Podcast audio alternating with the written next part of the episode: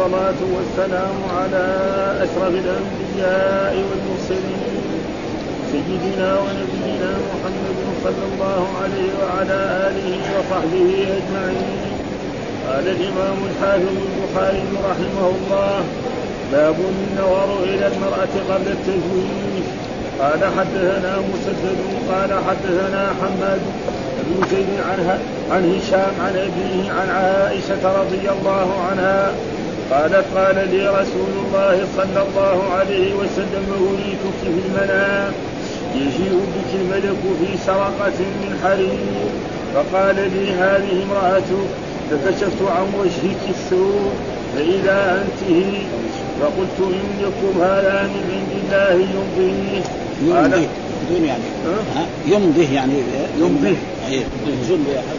يكن هذا من عند الله يمضيه قال حدثنا قتيبة قال حدثنا يعقوب عن ابن حازم عن سهل بن سعد أن امرأة جاءت إلى رسول الله صلى الله عليه وسلم فقالت يا رسول الله جئت لأهب لك نفسي فنظر إليها رسول الله صلى الله عليه وسلم فصحت النظر إليها وصوبه ثم طأطأ رأسه فلما رأت المرأة أنه لم يقض فيها شيئا جلست فقام رجل من أصحابه فقال أي رسول الله إن لم تكن لك بها حاجة فزوجنيها. فقال وهل عندك من شيء؟ قال لا والله.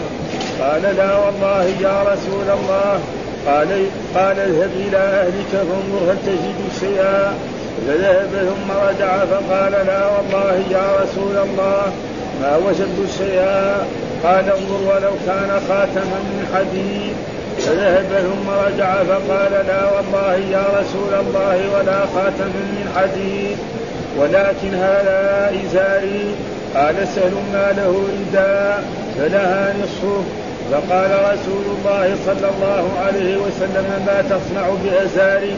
إن لبسته لم يكن عليها منه شيء وإن لبسته لم يكن عليك منه شيء فجلس الرجل حتى طال مجلسه ثم قام فرآه رسول الله صلى الله عليه وسلم موليا فأمر به فدعي فلما جاء قال ماذا معك من القرآن؟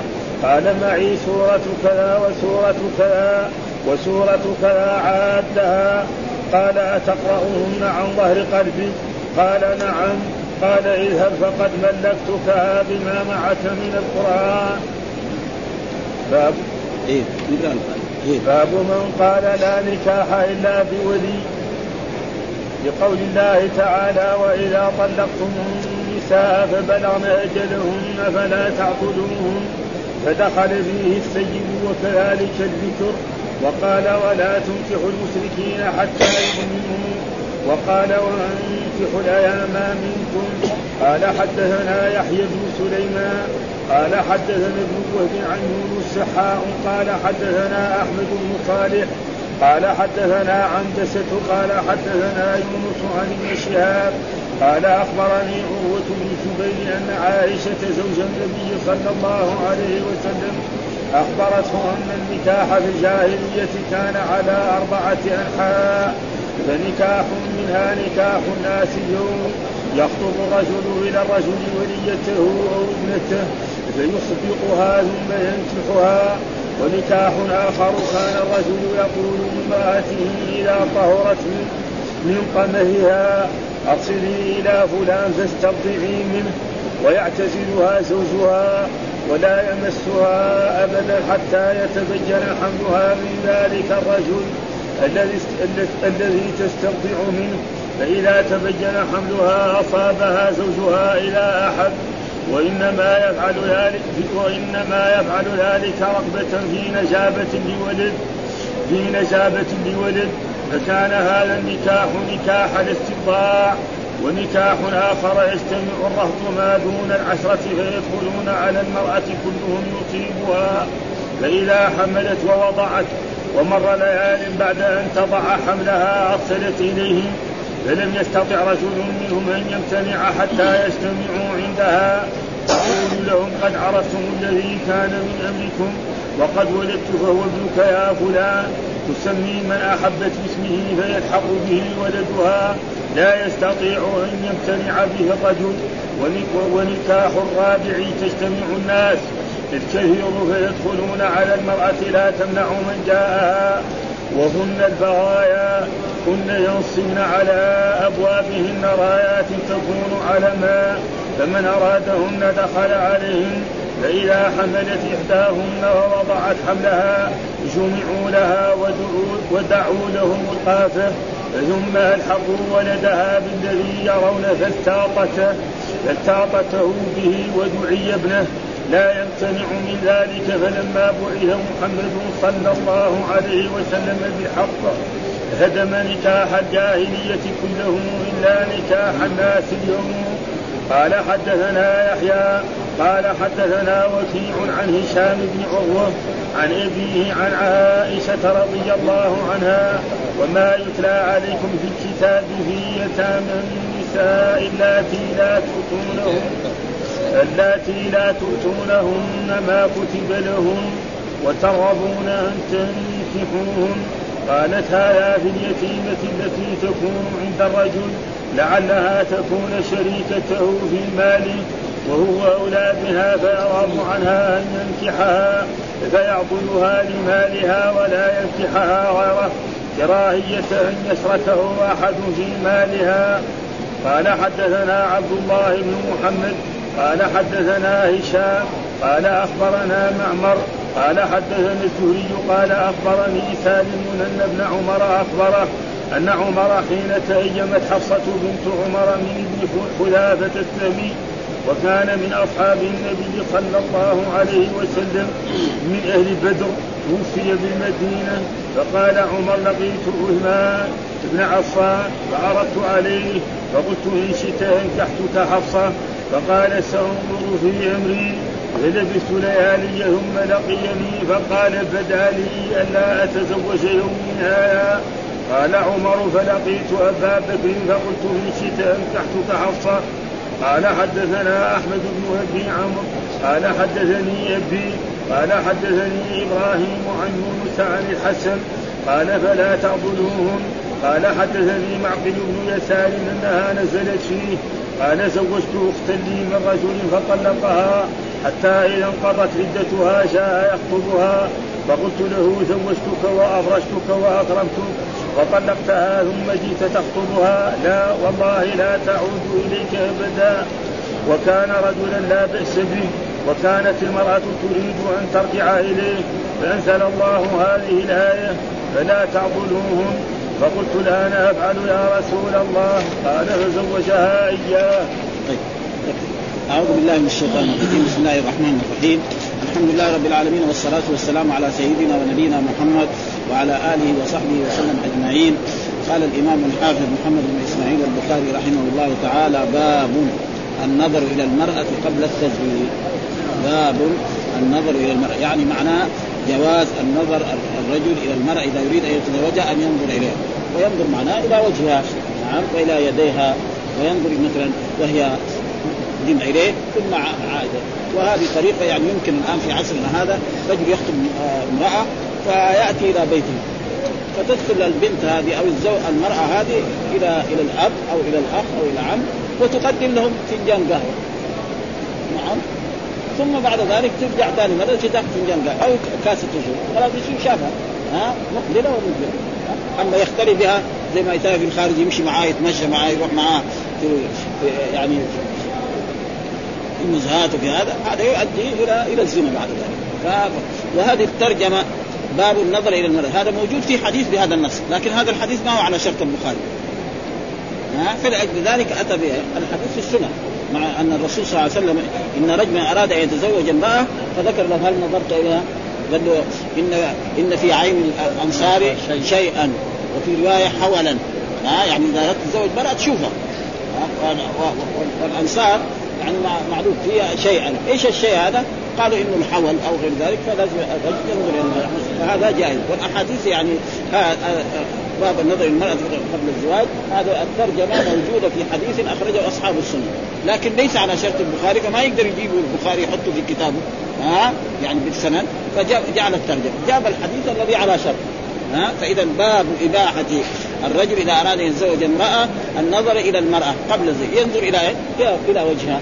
نعم إلى يعني يديها وهي مقبلة وهي مقبلة فهذا جائز. وأما يختلي بها لا. اختلاء بها لا. كذلك ينظر إلى فرجها وينظر إلى ساقها هذا لا ما يصير فينظر إلى مثل هذه الأشياء التي تدعو إلى الزواج. طيب إيش الدليل؟ قال الحديث الأول حدثنا مسدد وهو مسدد يعني سرهد البصري من من مشايخ البخاري. حدثنا حماد بن زيد عن هشام يعني عن ابيه وهو عروة بن الزبير عن عائشة رضي الله قالت قال لي رسول الله صلى الله عليه وسلم أريتك في المنام. فالرسول يحدث يعني عائشة بعدما دخل بها وتزوج بها قال لي رسول الله أريتك في المنام. يعني رؤيا منامية ومعنى رؤيا الأنبياء وحي. ها؟ مش ما قال الله تعالى عن إبراهيم اني أرى في المنام أني أذبحك فانظر ماذا ترى أما نحن إذا واحد رأى إنه يذبح ولده أو يقتل أو يضربه ما يروح ينفذ هذا. قد يكون اضغاث أحلام هذا. ها؟ أما الرسول لما رأى هذا نعم فهذا رؤيا منامية ورؤيا الأنبياء وحي. هذا محل الشاهد. ها وإلا لو واحد غير الرسول رأى هذا ما ما ما يترتب عليه أحكام شرعية ها فلذلك قال اريتك في المنام يجيء بك الملك في سرقات سرقة ومعناه يعني كناية عن ثوب رقيق من حرير نعم فقال لي هذه امرأته فقال لي قال لي الملك هذا الذي هو جبريل عليه السلام هذه فكشفت عن وجهك. آه عن وجهك آه عن وجهك الثوب كشفت عن وجهك الثوب. يعني الرسول رأى في المنام أن جبريل عليه السلام أتاه بامرأة مغطى فكشف عن وجهها الثوب ورأى وجهها. فقال بعد ذلك الرسول فقلت إن يك هذا من عند الله يمضي. فقال الرسول قلت. الضمير في قلت عائد على الرسول إن يك هذا من عند الله يمضي. يعني إيش وهذا إن دائما معروف ان الشرطية ودائما يعني إن الشرطية إذا دخلت على يكون هذه وكان بشروطها يجوز حذف النون يجوز للإنسان أن يقول إن يكن وإن يكن وهذا موجود ها؟ نعم. يعني موجود. إن تك حسنة يضاعفها إيه؟ إن تكن. فحذف النون وهذا موجود لكن بشروط. الشروط أن يكون الفعل المضارع هذا لفظ المضارع وأن يكون مجزوم ويكون جزم بالسكون وأن لا يلقه ساكن ولا ضمير. فإن يكن. ومن عند الله يمضي هذا جواب الشرط يمضي فعل مضارع منصوب على أنه جواب على الجزم حذف الياء. ها وبخط الكذا والهاء مفعول به. ها وهذا محل الشاهد أن أريتك في المنام. ها ورؤيا الأنبياء وحي فلذلك كان دليل. وأما لو أن إنسانا آخر رأى هذا لا يثبت منه أي شيء في هذا الموضوع. ها؟ وهذا محل الشاهد. إن رأيتك في المنام يجيء بك الملك في سرقة من حرير فقال لي هذه امرأتك فكشفت عن وجهي الثوب فإذا أنت هي. فإذا أنت هي. يعني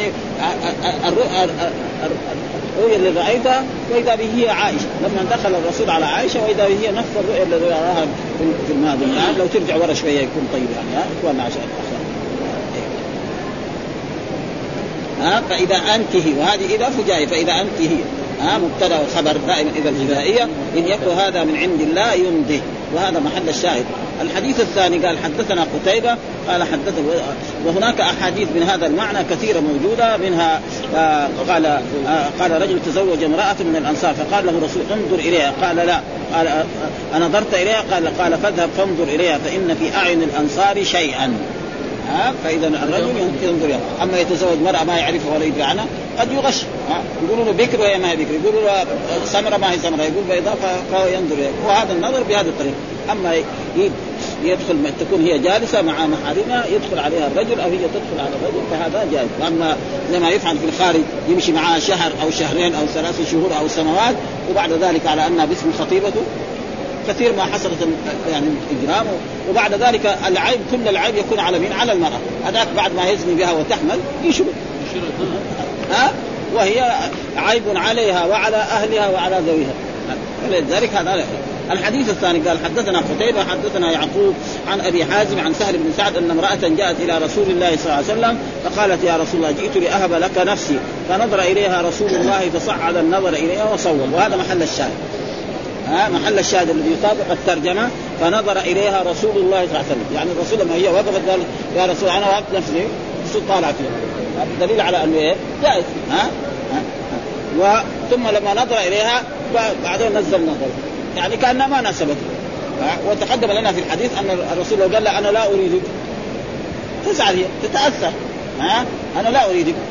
تتأثر. وقد يظن فيها أنها صاحبة فاحشة أو صاحبة شر أو صاحبة. فلذلك يعني فنظر إليها رسول الله صلى الله عليه وسلم فصعد النظر. يعني صعد النظر ورفع رأسه هكذا ونظر اليها ها ثم صوبه. معناه ليس. ثم بعد ذلك طأطأ رأسه. ثم الرسول طأطأ فقالت ولما رأت المرأة لم يقض منها, منها فيها شيئا جلست. يعني ما راحت تغري جلست في المكان. ها جلست خلف الرجال مثل كان لأن الرسول يجلس مجالس علمية. نعم. فجلس فيها خلف الرجال. من أصحاب جلس. فقام رجل من أصحاب من أصحابه فقال أي رسول الله؟ يعني يا رسول الله أي حرف حرف ندى ومعروف حروف الندى كثيرة. الهمزة والياء وأي وهيا. نعم. هذه آه أي رسول يعني يا رسول الله. هكذا ما يقول يا رسول الله يقول أي رسول أمحمد ها أرسول الله. جائز. ها أها يا رسول الله. إن لم يكن لك بها حاجة فزوجنيها. ها فقال هذا الرجل يا رسول إن لم تكن لك بها حاجة فزوجنيها. يعني زوجني. وها فقال وهل عندك من شيء؟ يعني هل عندك صداق؟ تصدقها؟ قال لا والله يا رسول الله. حلف انه ما عنده شيء. قال اذهب إلى أهلك فانظر هل تجد شيئا. يعني روح بيتكم وعند أهلك فتجد شيء. ولو خاتم من حديد أو درهم أو دينار أو أي شيء. نعم فذهب ثم رجع فقال لا والله يا رسول الله. ما ما وجدت شيء. قال انظر ولو كان خاتما من حديد. ها؟ مع أن الخاتم الحديد ما يجي أي شيء. بسيط جدا. نعم فذهب ثم رجع فقال لا والله يا رسول الله ولا خاتم. ولكن هذا إزاري. والإزار ما يكون من تحت. ها؟ والرداء ما يكون فوق مثل الإنسان المسلمين الآن. فالرداء يكون فوق الإخوان. ها؟ فقال الرسول صلى الله عليه وسلم قال سهل ما له رداء. وهذا دليل على أن الإمام له أن ينظر في مصلحة الرعية. مثلا يقول له خذ أعطيها ازارك يقعد عريان هو ما ما يصير ها؟ ثم إذا شد نصفين لا هي استفادت منه ولا هو استفاد فعلى الحاكم الشرعي أن ينظر في إيه؟ في مصلحة الرعية، الرسول ما رضي هذا. ها؟ لأن الازار هذا إذا أخذته يقعد عريان إذا هو أخذه هي ما استفادت منه شيء. فلازم الحاكم يكون إيه؟ بهذا. ولكن هذا ازاري قال سهل ما له رداء فلها نصف. يعني لها نصف هذا أرض فقال الرسول ما تصنع بازارك إن لبسته لم يكن عليها من إن لبسته انت لم يكن فإذا ما استفاد منه. وإن لبسته لم يكن عليك. ها فجلس الرجل حتى طال مجلسه يعني جلس ساعة أو ساعتين أو أقل أو أكثر. والرسول كان جالس في مجلس علمي يكون في هذا المسجد أو في غيره. حتى ثم قام ثم قام هذا الرجل. فرآه رسول الله صلى الله عليه وسلم موليا. يعني مدبرا إلى جهة. الرسول كان جالس ذهب إلى جهة أخرى موليا. ها فأمر, فأمر به فدعي. فأرسل الرسول رجلا من أصحابه نادي هذا فلان الذي كان جالسا فدعي. فلما جاء قال ماذا معك من القرآن؟ إيش تحفظ من القرآن؟ فقال عد له. قال معي سورة كذا وسورة كذا وسورة كذا. يعني عدد له سور قال له تحفظ عن ظهر قلب؟ قال نعم. ها فقال له الرسول زوجتك بما معك من القرآن. وفي في هذا الحديث بلغتك بما معك من القرآن. فهذا دليل على انه ليس معنى ذلك أن الصداق لا يكون إلا ذهبا أو فضة أو ابلا أو بقرا أو غنما. لا أي شيء فيه فائدة. فكونه يعلمها سور من القرآن مسلم. فائدة كبيره يعلمها الصناعة دحين يعلمها الخياطة في عصرنا هذا يعلمها التطريز. ها؟ ها؟ يعني صناعة يعلمها الطبيخ أنواع الطبيخ جائز ما في ما في شيء قال إذا فقد ملكتكها بما معك فهنا ما قال له زوجتك يعني إيه؟ أسمع ايها الأخ. ها؟ ما قال له زوجتك لأنه هم بعضهم يقول لازم يقول زوجتك. هذا ما يلزم. ها؟ يعني لازم يقول إيه؟ زي الحنابل موجود في كتب لازم الزواج يكون إيه؟ يعني إيجاب وقبول ولازم يكون بما يقول زوجتك بنتي أو أنكحتك أما ملكتك أو أعطيتك بنتي هذا ما ينبغي. لكن هذا الحديث الآن يكون حجة. ما قال له زوجتك ليه؟ لأن الله ما تعبدنا بالألفاظ. لأنه ملكتك معناه إيه؟ معنى زوجتك هو واحد. الألفاظ مختلفه اللفظ ولكن المعنى واحد. ها؟ ما في شيء. ها؟ ولكن هم في هذا لابد يقول زوجتك بنتي أو زوجتك أختي أو أنكحتك ابني. هذا ما يلزم. الرسول هنا قال له هو دائما إذا حصل خلاف فالرجوع إلى إيه؟ إن تنازعتم في شيء فردوه إلى الله وإلى الرسول. وملكتك وزوجتك ألفاظ مختلفة والمعنى واحد. ها. ومحل الشاهد الذي يطابق الترجمة فنظر إليها رسول الله صلى الله عليه وسلم فصعد النظر إليها وصوبه. ها؟ فالرسول نظر إليها وهي مرأة أجنبية الآن. ها؟ والرسول هو القدوة. ها ابدا ها؟ فإذا فهذا دليل على أن الرجل إذا أراد يتزوج امراه له أن ينظر اليها، ينظر إلى إيه؟ إلى وجهها. نعم. نعم إلى يديها إلى رجليها. إذا كانت عرجه وشافها ماشيه ما يبغاها. ها؟ رجلينا كذا هو يريد مثلا مرأة بيضاء يريد سوداء يريد يعني قصيرة يريد طويل فلما هي تكون أمامه خلاص رأى ثم بعد ذلك يتفق مع أبيها في إيه؟ في الصداق أو في غير ذلك. هذا يعني واضح من إيه؟ وذكر حديث هذا. ولا ينظر إلى غير وجهها وكفها وقال يجتهد وينظر إلى ما يريد منها إلا العورة. ها؟ وقال ابن حزم ينظر وتقدم لنا حديث في دراستنا أن جابر قال له هل نظرت اليها؟ قال فتخبأت له. يعني يقعد في الطرق اللي هي تروح. ها؟ حتى شاف شافها فتخبأت لها حتى رأيتها لأن الناس ما يرضوا. كثير من الناس العرب ما يرضوا يقول لك قبل لا يتزوج يشوف بنته. ما لكن الأحكام الشرعية جائزة إيش الطريق؟ يدخل في عصرنا هذا تدخل البنت هذه أو المرأة تقدم فنجان قهوة أو تخرج كاسة يعني شربيت لأبيها ولهذا الزوج. خلاص ثم بعد ذلك ترجع. ثم بعد عشر دقائق تجي تاخذ الكاس فيصير هو شافر اذا يبغى يتزوجها يتزوج ما يبغى يتزوجها خلاص ويكون بينهم ولا يحتاج يقول للناس. ثم ذكر باب ما قال آه من قال لا نكاح إلا بولي. برضه هذه الترجمة البخاري يعني ما هي على شرط صحيح. والا موجود أحاديث في السنن وفي غير ذلك لا نكاح إلا بولي وشاهدي عدل موجود حديث كذا نص. لكن هذا الحديث ما هو. ليه؟ لأن شرط البخاري له شروط في صحيح. أن شرط البخاري لازم يكون إيه؟ الساعة محمد لما يروي مثلا فلان يحيى بن سليمان يثبت عند البخاري أن يحيى بن سليمان هذا نعم اجتمع مع ابن إما في المدينة أو في مكة أو في العراق أو في مسلم لا بس يكونوا في عصر واحد. واحد في الشرق واحد في الغرب يروي عنه ما في بأس. البخاري لا ما يقبل. لازم يكون يثبت عنده انما اجتمع في أي بلد من بلدان الله سبحانه ما في مكة في الطريق في الحج في العمرة في اليمن هذولاك الباقيين لا. من قال لا نكاح إلا بولي. هذه حديث صحيح ولكن لا يصلح لصحيح البخاري فجعله ترجمة. ها من قال لا نكاح من قال من العلماء لا نكاح إلا بولي. الولي من هو؟ هم العصبة. الأب في الدرجة الأولى ثم الإبن ثم الأخ الشقيق ثم الأخ لأب ثم العم ثم ابن العم وهكذا. ها و و والولي هذا العصبة. أما الخال ما يزوج.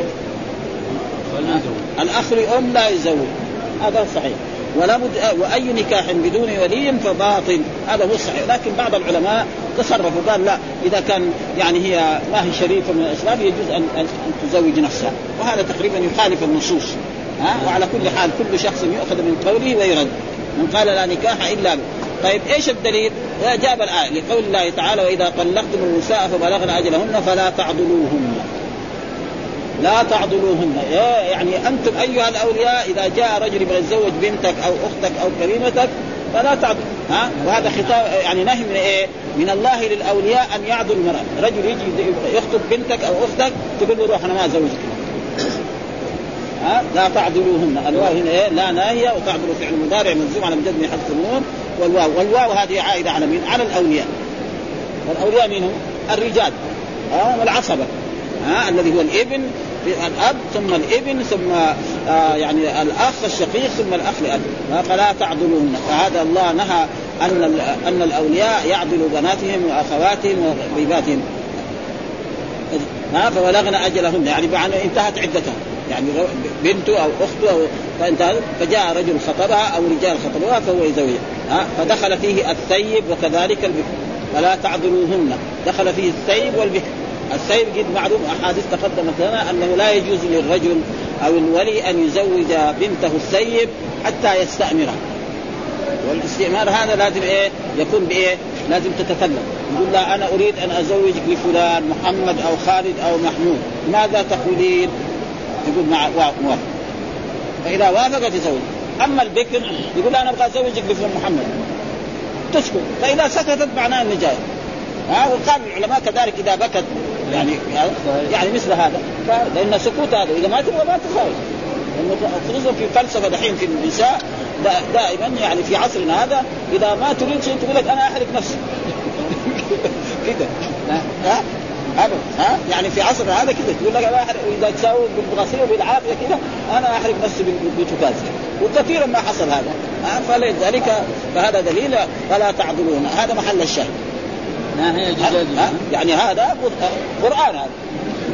هناك لا نكاح إلا به كلام الرسول لكن ما هو على شرط البخاري؟ هذا القرآن. القرآن في الدرجة الأولى خلاص. هذا استدلال عجيب يعني. البخاري هذا يدل على إيه؟ على علم وعلى قوة العلمية وعلى فهمه للنصوص. فلا تعضلون. قال فدخل فيه الثيب وكذلك البكر ها؟ الثيب هذا ضروري والبكر كذلك. ها؟ فإنه لا يجوز لزوج البكر لكن لو زوجها ورضي خلاص. مثلا عنده بنت بكر زوجها لمحمد وسكت ها؟ ما في ما في شيء. ها؟ وقال ولا تنكح المشركين حتى ولا تنكح المشركين حتى يؤمنوا. يقول لا تنكحوا هذا مين؟ الواو هذه إيه؟ معناه الأولياء. ها؟ الأب والعم والأخ والابن هاتم حتى يؤمنوا. إن شاء الله يكون فهنا تنكحوا هذا هو محله ها؟ وهم الأولياء. ها؟ قال وأنكحوا الأيام منكم. يأمر الإيه؟ الأولياء أن ينكحوا الأيام. يعني الايم ما هي؟ المرأة التي لا زوج لها إما ما تزوجت أصلا أو مات زوجها أو طلقها زوجها وانتهت عدتها فإذا جاء وخطبها أي رجل مسلم كفء لا فزوجوها وأنكحوا الأيام. ودائما النكاح في في القرآن المراد به العقد كل الآيات الموجودة في القرآن. وأنكحوا الأيام معنى أعقدوا عليه يعني إذا نكحتم المؤمنات معنى عقدتم إلا في آية واحدة فالمراد بالنكاح الجماع. وهذا قول الله تعالى فإن طلقها فلا تحل حتى تنكح زوجا غيره. هنا المراد به إيه؟ الجماع.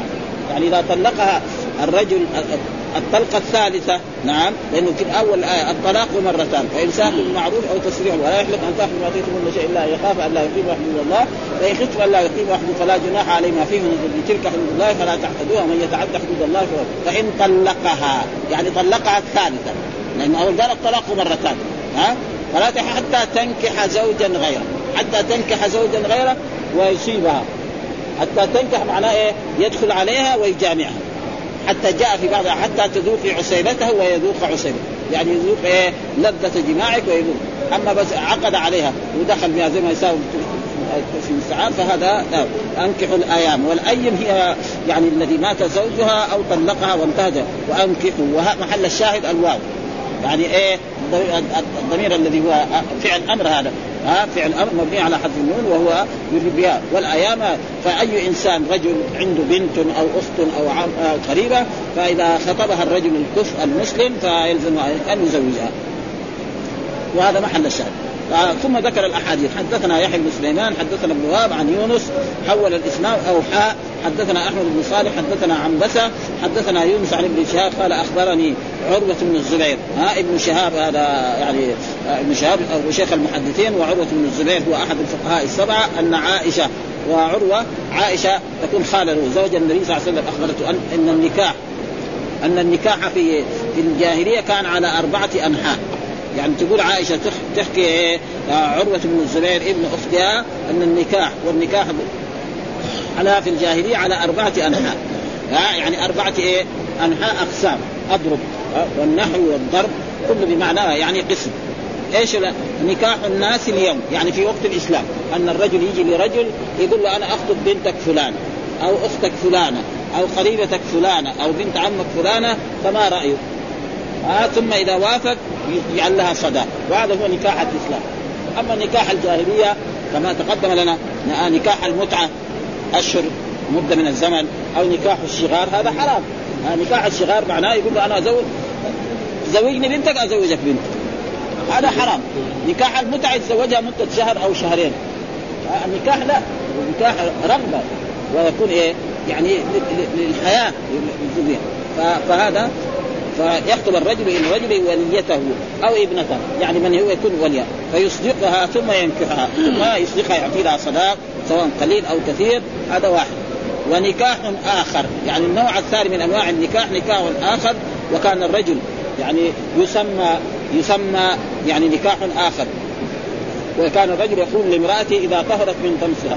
يعني كان في الجاهلية رجل رجل عادي. نعم. رجل ما هو من كبار الناس ولا هو من عظماء الناس ولا من أشراف الناس عنده زوجة. فإذا زوجته هذه حاضت وطهرت من الحيض يقول لها روحي لفلان العظيم ده. لاعبيه كذا واضحكي معاه يروح يجامعك فإذا جامعها خلاص ما يقربها حتى يتبين حمله. واذا تبين حمله عشان يصير بعدين شجاع. لأن هذا معروف أنه شجاع وأنه رجل عظيم وأنه كذا فيبقى وهو رجل عادي. فهذا ما يصح. إذا طهرت من طمسها. ومعلوم أن في الغالب أن المرأة بعد الحيض وبعد ما تطهر من الحيض وجامع الرجل في الغالب يمكن تحت ها؟ ها؟ أرسلي إلى فلان فاستبضعي منه. استبضعي منه معنى إيه؟ يعني خلي يعني سهلي له حتى يجامعك. هذا معنى الاستبضاع يعني سلمي له إيه؟ بضعك. والبضع هو إيه؟ الفرد. ها؟ البضع هو إيه؟ الفرد يعني لاعبي وهذا حتى يصل منه. ويعتذرها زوجها. بعد إذا جامعها هذا الرجل وقالت له إن فلان هذا العظيم قد جامعها ها ولا يمسها أبدا. ولا يمسها بعد ذلك بشهر أو شهرين أو ثلاثة حتى يطلق يعني مدة أشهر. ويظهر حمل. لأن المرأة تعرف إذا جاء الشهر هذا وما حاضت معناه إنها حامل. المرأة كيف تعرف نفسها إنها حامل؟ نعم. إيه؟ كان إنها كانت تحيض في كل شهر وإذا بهذا الشهر ما حاضت ولكن لا يلزم من ذلك ان إذا ما حاضت أنها حامل. لا مرات ما تحيض وبعدين هذا الشهر ما يجيها الحيض بعدين بعد شهرين يجيها. ها؟ فلا يلزم إنما هو مظنه للحمل. يعني انقطاع الحيض مظنه لإيه؟ للحمل. هذا. حتى يتبين من ذلك ها التي استبضع من فإذا تبين حملها أصابها. يعني أصابها معناه جامعها ها زوجها إذا أحب وإذا ما أحب ما يجامع وإنما يفعل ذلك رغبة في نجابة الولد. يفعل ذلك رغبة في إيه؟ نجاة يكون ولده إيه؟ شجاع ويكون عظيم لأن هذا رجل عظيم وها ها فكان هذا النكاح نكاح الاستبضاع يعني يسمى إيش؟ فكان هذا النكاح يسمى نكاح الاستبضاع يعني الرجل يقول لزوجه لأنه لا ذنب بعد ما دام كفار كل شيء يصلح منه. أما الإسلام ما يرضى هذا. هذا زين هذا. ها ابدا. ونكاح آخر يجتمع الرهط ما دون العشرة. الرهط ما دون العشرة. وكان تسعة رهط يفسدون في الأرض. الرهط والنفر والبضع من ثلاثة إلى عشرة أو إلى تسعة. هذا معناه في اللغة العربية. ها؟ دون العشرة فيدخلون على المرأة. يعني ستة أنفار ثمانية رجال يدخلوا على مرأة وكل واحد يجامع هذه المرأة. على طريق إيه؟ طريق الزنا. حرام ها؟ والقرآن الزانية لا ينكح إلا زان أو مشرك. حرام في كده ولا تقربوا الزنا إنه كان. لكن هذول في الجاهلية. ما يفعلوا كل شيء.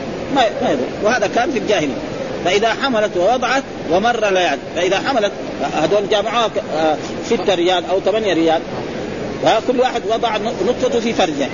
طيب لابد نطفه من النطف هذه. هي أثرت زي ما يقولوا أصابت البويضة في عصرنا هذا في هذا. فإذا حملت ووضعت ومر ليال بعد أن تضع حملها أرسلت إليهم. قالت أرسلت إليها ناس من أقاربها تعال يا فلان وتعال يا فلان وتعال يا فلان فجاءوا واجتمعوا عندها فلم يستطع رجل منهم أن يمتنع حتى يجتمعوا عندها ها؟ فتقول لهم قد عرفتم الذي كان من أمركم أنكم جئتم إلي ودخلتم إليها واتصلتم بها اتصالا جنسيا لأن جامعتوها على طريق الزنا. وقد ولدت فهو ابنك يا فلان. تشوف أي واحد منهم عظيم تقول هذا ابنك. ولا يقدر يقول لا. قد يكون ما هو ابن. كذا خلاص. جاهلية. جاهلية حمراء ها؟ وقد فهو ابنك يا فلان. تقول يا فلان تدور اعظمهم طبعا. ولا تدور اعظمهم تدور الضعيف. الرجل الغني الرجل العظيم منهم. تقول ولا يقدر يكون شيئا. قال وقد ولد وتسمي من احبت فيلحق بها ولدها ولا يستطيع أن يمتنع به الرجل. نكاح ونكاح الرابع يجتمع الناس الكثير.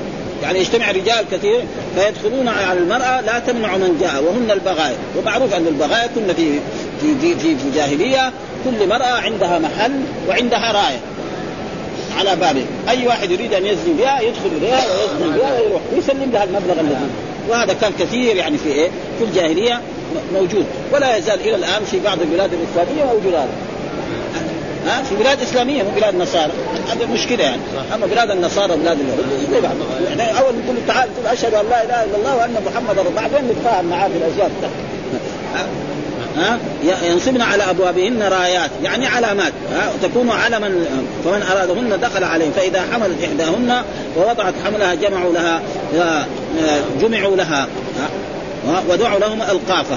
يعني كلهم إلا زنوا بها القافة، القافة هو الذي يعرف إيه؟ بالنظر إلى الشخص. وهذه القافه معروف. يعني يشوف هذا يعني هذا الناس موجودين في الشارع. يشوف ولد يمشي يقول لك هذا ولد فلان. موجود. ها؟ هذا ولد مثلا جنسيته كذا. ها؟ وأن أبوه فلان أو أمه فلانة. ليه؟ هذا هذا غير القافة. أما القافة هذول شيء ثاني هذا يعني جاء واحد يقول لك هذا جنس كذا. أما القافه هذول يعني وقد حصل ذلك أن الرسول صلوات الله وسلامه عليه بينما كان في مجلس من المجالس وإذا يأتي رجل من القافة فيجد يعني أسامة وزيد. نعم متغطيان وجوههما وجسمهم بس أرجلهم باينة. هذه رجلين بيضاء وهذه رجلين سوداء. فزيد أبيض وأسامة أسود. فقال إن هذه الأرجل بعضها من بعض. يعني ما اعتبر السواد هذا. ها؟ ابدا. ها إن هذه الأرجل بعضها اثنين رجلين سوداء واثنين رجلين بيضاء. قال إن هذه الأرجل فدخل الرسول على عائشة يعني واسارير وجهه تبرق من من الفرح لأنه الناس يتهموا؟ هذا زيد أبيض ويجيب لنا ولد أسود، طيب من إيه يجيب ولد أسود؟ لأنه تزوج إيه؟ اما سوداء، يجيبها ثم قد يكون الإنسان إلى اجداده كثير. وقد حصل ذلك أن رجلا كان عنده مراه وهي بيضاء وهو أبيض فجاب ولد أسود. فكأنه جاء للرسول وقال إن هذا الولد ما ولد. فقال له الرسول هل لك من إبل؟ قال نعم، طيب إيش الوانها؟ قال حمر وبيض، ما فيها سوء؟ قال له فيه، من فين جات السوء ما دام أكثرها بيض قال لعله نزعها عرق، طيب ولدك كمان جده قبل جدين أو قبل عشرة جدود أسود. مين قال إنه مثلا رجل أبيض مثلا أمريكاني أو تركي أو هذا؟ أجداده كلهم بيض يعني. يمكن يكون واحد منهم أسود. أو أسمر اللون شوية. دعي لا يمتنع من ذلك. فلما بعث محمد بالحق هدم بالحق يعني بالإسلام هدم نكاح الجاهلية كله إلى نكاح الناس اليوم. وهو أن الرجل يأتي إلى الرجل ويخطب بنته أو أخته من الرجل فيقول له أنا أزوجك إياها ثم يعطيها صداق ويتزوجها وهذا هو نكاح الإسلام وغير ذلك فإنه لا يصح أن ثم ذكر الحديث اللي بعده حدثنا يحيى ومحل الشاهد هو آه، أن آه، النكاح الذي لا بد إيه بولي وهو أنه يعني محل الشاهد هذا نكاح الجاهلية كله إلا نكاح الناس اليوم الذي هو أول نكاح هذا نكاح الإسلام. حدثنا يحيى آه، آه، حدثنا وكيع عن هشام بن عروة عن أبيه عن عائشة وما يتلى عليكم في الكتاب في يتامى النساء اللاتي لا تؤتونهن ما كتب لهن وترغبون أن تنكحن. قالت هي هي في اليتيمة التي تكون عند الرجل لعلها أن تكون شريكته في ماله وهو أولى بها فيرغب عنها أن ينكحها لمالها ولا ينكحها غير كراهية أن يشركه أحد في مالها. وهذا كذلك كان. وقال يستفتونك بالنساء قل لا يفتيكم فيهن ما يتلى عليكم في الكتاب في يتامى النساء اللاتي لا تؤتونهن ما كتب لهن وترغبون أن تنكحوهن. ودائما رغب تتعدى بفي وبعن. واحد يقول رغبت في في في الشيء. رغبت في هذا الأمر. معناه أنا أحبه. ورغبت عن بمعنى ما أريده. فرجل مثلا مثال ذلك أن رجلا مثلا يكون له عم أو له أخ أو ابن عم يموت. فيترك مرأة بنت صغيرة. فهذه البنت يكون عندها مال. فهو ما يريد يزوجها لغيره. لأنه إذا زوجها لغيره إذا تزوجت جابت أولاد يصير هو ما, ما يرث. أما إذا قعدت كذا يعني ما تزوجت ومات ماتت البنت يأخذ المال هو. لأنه ما عندها لا ولد ولا عندها اخ ولا شيء اخذ المال. هذا هذا هذا هذا حرام. ما يصح. قال القرآن نهى المسلمين عن ذلك. ولذلك قال وترغبون أن تنكحون. ترغبون أن تنكحون مثلا رجل يموت قريبا له عمه ويترك بنت جميلة ولها مال فيحب يتزوجها. عشان يضم ماله إليها ويجمع ويكون مثلا يموت ويكون يترك بنت ضعيفة ما عندها مال وتكون فقيرة فما ولذلك هنا كان هذا جاء الإسلام بالنهي عن ذلك. فإذا أراد يتزوجها يعطيها صداقها الكامل وينكحها. لعل أن تكون شريكته في المال وهو أولى بها فيرغب عنها. ها؟ فيرغب يعني إيه؟ ما يزوجها أن ينكحها فيعضلها يعني يمنعها من يجي يخطبها فلان يقول هذا ما يصير. هذا موجود. هذا الحين زي في عصرنا هذا كثير من الناس يقول لك هي شريفة ما يزوج إلا الشريف. ما يزوجها إلا للسيد ما يزوجها إلا الرجل غني مثلا يقول ما يزوجها إلا الرجل عنده سيارة. أمريكاني كمان. أو عنده فله متى الزواج فلذلك هذا النكاح أصبح. يعني صعب. يقول لك ما يزوجها إلا الرجل غني ويصدقها بمبالغ كذا من المال. فلذلك يصير إيه يعني يصير عدم النكاح ويؤدي إلى إلى شرور أو حتى تتعلم حتى تتخرج من الجامعة. بعد ما تتخرج من الجامعة يصير عمرها 30 سنة. بعد ذلك ما حد يبغاها. ها؟ أقل ما يكون يصير عمرها 25 سنة. تدخل ست سنوات ابتدائي وست آه ثانوي وأربعة مثلا جامعة. إذا كانت شاطرة تنجح كل سنة. يبغى لها بعد ال 25 أي واحدة تتخرج من الجامعة لازم عمرها 25 سنة. أقل من 25 سنة لا تدخل من الجامعة. فهذا كله هذا. هذا. فهي تتزوج. وإذا اتفق هي وزوجها يتعلمها ما في يوديها. وهذا أحسن له يوديها السواق فهذا ومحل الشاهد هو أنه يعني العضل لا يجوز وهذا معناه خلاف إيه؟ الحديث الرابع حدثنا عبد الله بن محمد حدثنا هشام أخبرنا معمر حدثنا الزهري قال أخبرني سالم أن ابن عمر آه، أخبر أن عمر حين تأيمت حفصة بنت عمر تأيمت معناه مات زوجها. آه المرأة الأيم هي الذي مات زوجها أو طلقها زوجها وانتهت عدته. هذا يسمى فاطمة أيم معناه مات زوجها وانتهت عدتها فتسمى فهذه لها أن إيه؟ تتعرض للخطاب يخطبها. فإذا آه يعني تأيمت مات زوجها وانتهت حصة بنت عمر آه ابن عمر من ابن أبي بن حذافة السهمي وكان من أصحاب النبي صلى الله عليه وسلم من اهله توفي بالمدينة. بعد إيه؟ ما جرح جراحات في في الجهاد. فقال عمر لقيت عثمان بن عفان فعرفته لأن عثمان بن عفان كذلك ماتت زوجته بنت رسول الله صلى الله عليه وسلم وزوجه الرسول. فقال له أنا أزوجك حصه إن شئت انكحتك حصه يعني يعرض نفسه على الناس الطيبين زي ما تقدم لنا لا بأس أن الرجل يعرض بنته أو أخته لرجل صالح مثل ما المراه عرض نفسها ومثل القصة التي تقدمت عن أنس. ها؟ أنس بن مالك إنه مرأة جاءت تعرض نفسها فقالت واسع وأتى. كيف المرأة تعرض نفسها للرجل؟ قال هذا خير منك. فقال سأنظر في أمري. قال عثمان سأنظر فيها. فلبثت ليالي ثم لقني فقال بدا لي الا أتزوج يومي هذا. يعني الآن هذه الأيام أنا ما أبغى أتزوج مرة ثم عرض على أبو بكر فأبو بكر سكت ما قال له شيء. قال له يا ابو بكر أنا أريد أزوجك حسن. فأبو بكر سكت يقول فغضب على أبو بكر أكثر من غضبي على عثمان. لأن أبو بكر خسر. ما قال له ما قال له لا ابغاه ولا شيء. يعني وأبو بكر ليس سكت؟ بغرض. وهو أنه سمع أن الرسول يذكرها. يعني الرسول مثلا شاور أبو بكر هل أتزوج حفصه؟ إيش رأيك في حفصه؟ أنا أريد أن أخطب حفصه فما يبدي هذا السر. فسكتوا. فبعد ذلك لما خطبها الرسول وتزوجها قال له لو تركها الرسول لكان تزوجها لكن الرسول اصر إلي فأنا ما حبيت ابدي سر رسول الله صلى الله عليه وسلم وهذا دليل مين اللي زوجها؟ حفصة. هذا محل الشاهد فين؟ مين اللي زوج حفصة للرسول؟ عمر بن الخطاب. أبوها. هذا عشان يطابق الترجمة. لا نكاح إلا إيه؟ بولي هذا هذا هذا مطابقته وهذيك في الحديث الأول الأول ثم ولقيته والحديث تقدم لنا فلذلك ما ما تم. وهذه عادة البخاري. الحديث اللي يجيب محل الشاهد ويترك الباقي الحديث الأخير حدثنا أحمد بن أبي عمرو قال حدثني أبي قال حدثني إبراهيم بن يونس عن الحسن ها قال فلا تعضلوهن قال حدثني معقل بن يسار. ولا تعضلوهن لا ناهية جازمة وتعضل فعل مضارع مجزوم على مجزم حذف النون والواو فاعل والهاء ضمير متصل مبني على على الضم في محل نصب مفعول والنون يعني حرف يدل على انها قال حدثني معقل أنها نزلت فيه. يعني حدثني معقل بن يسار الأنصاري أنها نزلت هذه الآية. قال زوجت أختا لي من رجل. مين اخته؟ قال اخته دي هذه. جاء في بعض الروايات أنها تسمى جميل أو جميلة. يعني جاء تصريح بإيه؟ باسمها جميله أو جميلة أو ليلى.